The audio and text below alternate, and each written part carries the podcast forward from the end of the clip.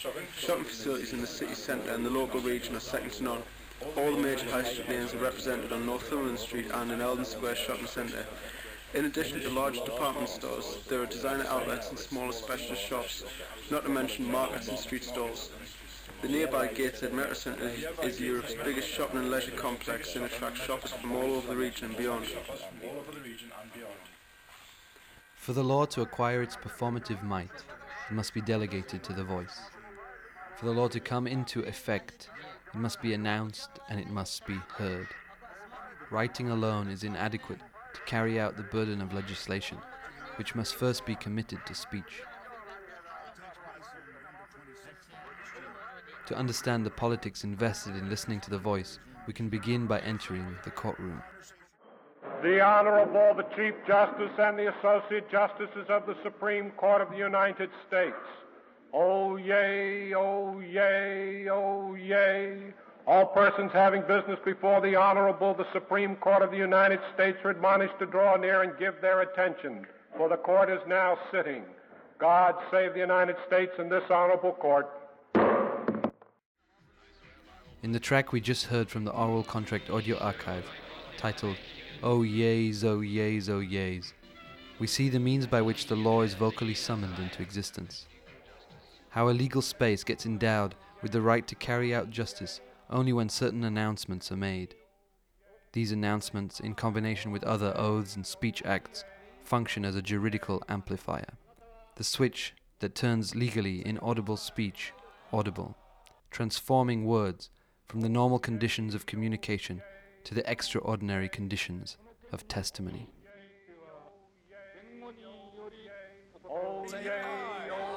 And yet, something else is also illustrated in the clerk's call, in those four seconds when his enunciation shifts from a prescribed set of spoken words to the ineffability of non verbal sounds. Oh, yeas, oh, yeas, oh, yeas, he sings. We see that this is not simply language that legislates, but also the extralinguistic elements of the voice itself.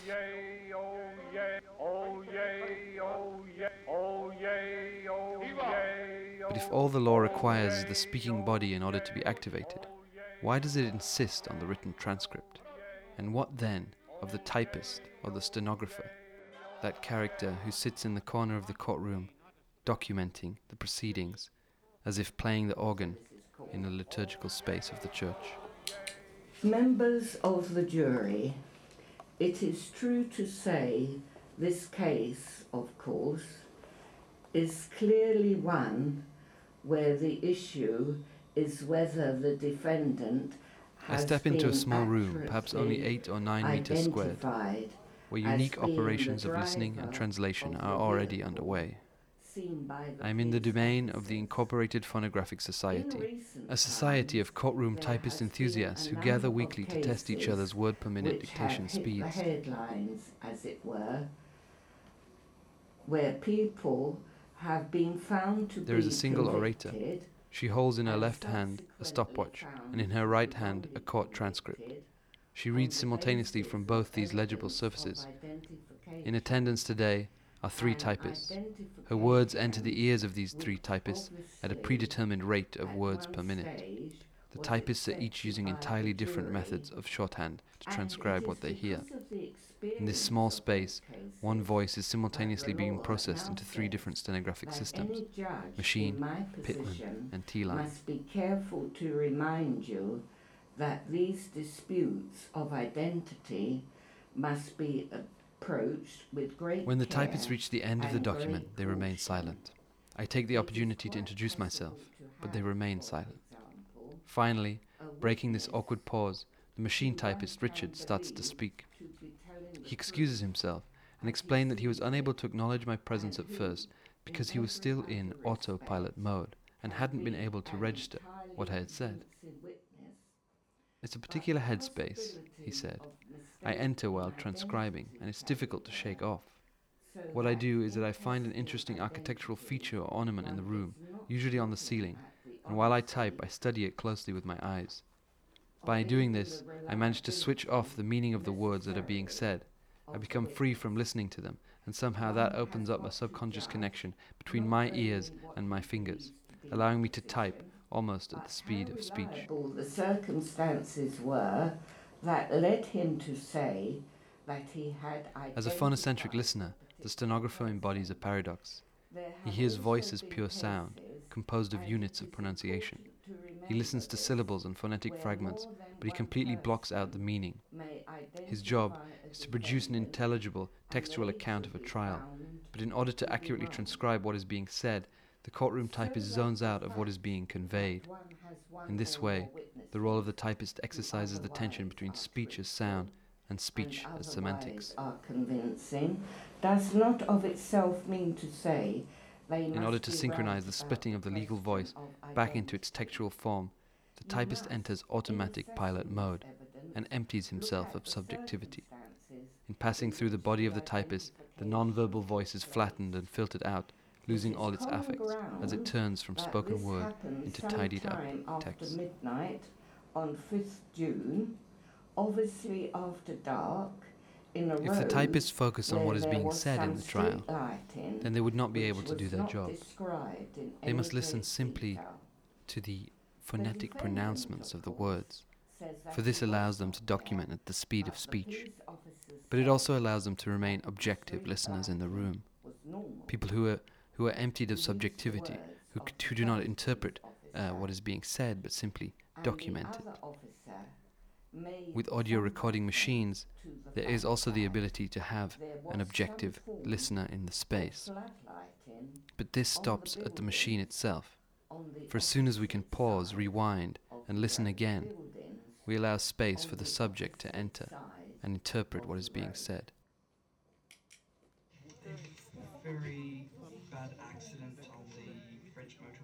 In the UK, the practice of stenography in courtrooms is under threat. The industry is dwindling, more and more trials are being audio recorded. But the audio recording of legal proceedings is not an attempt to capture an accurate representation of the voice of the witness.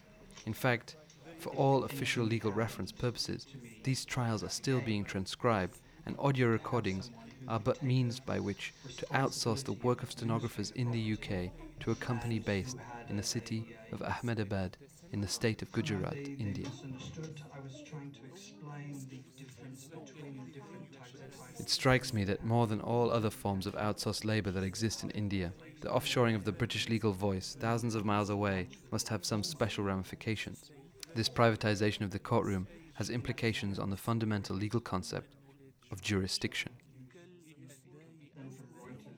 If we divide the term jurisdiction, which connotes a territorial range over which a legal authority extends, we see that juris refers to a legal authority or right, and diction refers to speech.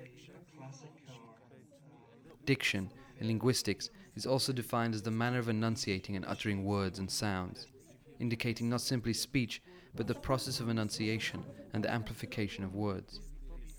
By understanding the etymology of the term jurisdiction, we see that the law itself operates as a speech space, in which those who are within its range of audibility are subject to its authority.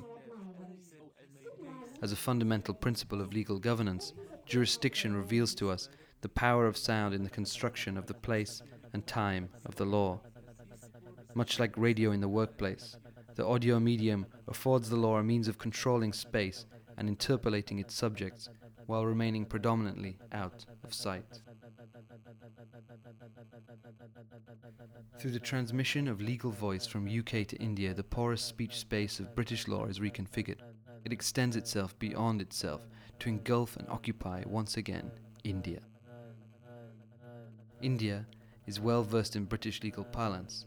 After 450 years of British colonial occupation, the Indian judiciary has evolved as a continuation of the structure that was left behind.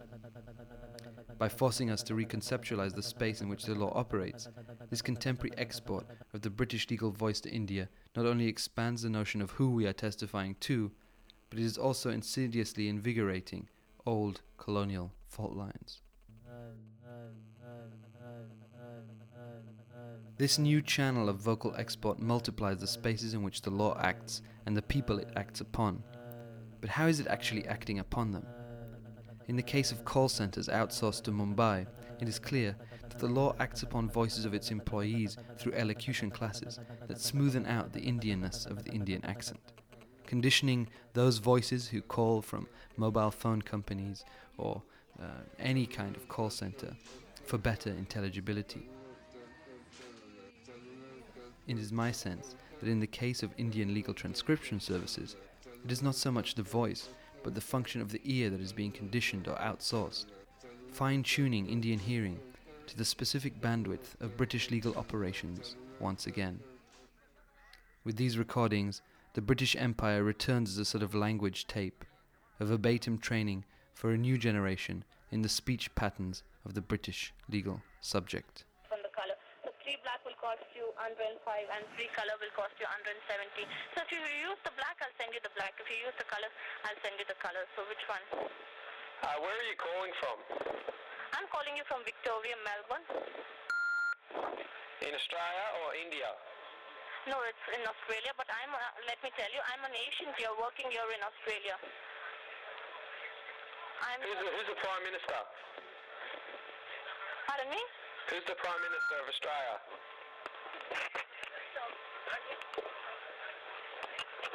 Quick look it up on the internet. Despite the title of this audio clip, extremely funny telemarketer call, full stop, must watch, full stop, listen to full video, full stop, dot, mp4. It is not extremely funny but extremely racist and revealing. You looking on Google, are you? Hello? Hello? The Australian man who cannot bear that his jurisdiction is breached by an Indian call center demands to hear the name of his Prime Minister pronounced by his international interlocutor.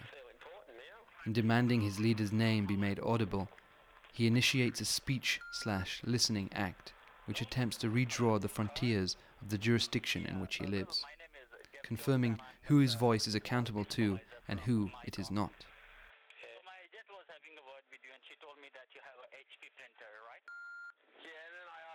And and Australia, and she couldn't answer me. okay, Prime Minister of Australia. Actually, uh, Who is it? is Howard, right? Mr. Who? Howard, right? Mr Howard? John Howard. Yeah, that was about two years ago, mate.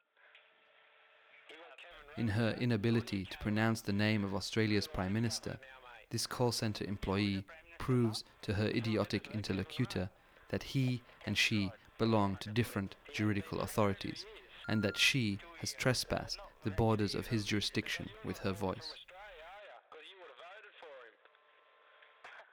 You're lying to me. You, yeah, to be very frank with you, uh, I'm I'm an Indian. Yeah, you're calling from India, are you? By subjecting her to a citizenship test of sorts, he erects a sonic border, and the only way for her to pass through the border into audibility is to speak the name of the one who governs Australia's jurisdiction.